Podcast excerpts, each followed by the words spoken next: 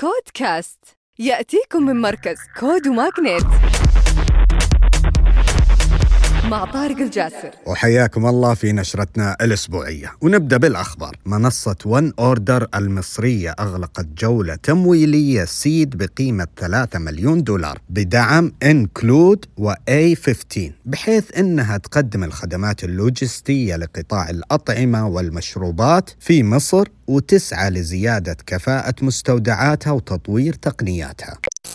ومنصة Calo البحرينية المختصة باشتراكات الطعام جمعت 13 مليون دولار في تمويل pre-series A بقيادة Nuwa Capital و STV وغيرهم من مستثمرين. توفر المنصة وجبات طعام لمختلف الأفراد مخصصة بحسب احتياجاتهم.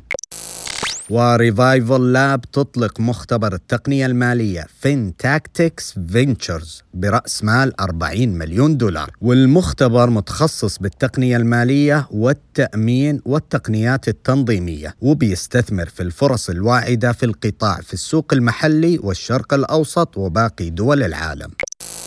وشركة Cart السعودية المتخصصة في توصيل الطلبات جمعت 700 ألف دولار في تمويل pre-seed بمشاركة عدد من المستثمرين الملائكيين. يقدمون خدمات توصيل الطلبات عند الطلب عبر منصتها الرقمية وتطبيق الهواتف الذكية. وآخر شيء منصة SideUp المصرية المتخصصة في مجال التجارة الإلكترونية.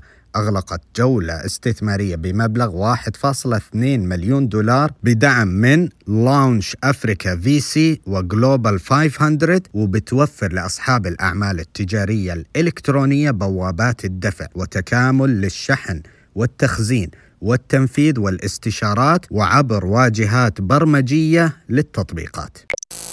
ختاما تذكروا أن الابتكار هو أصل الريادة. كود كاست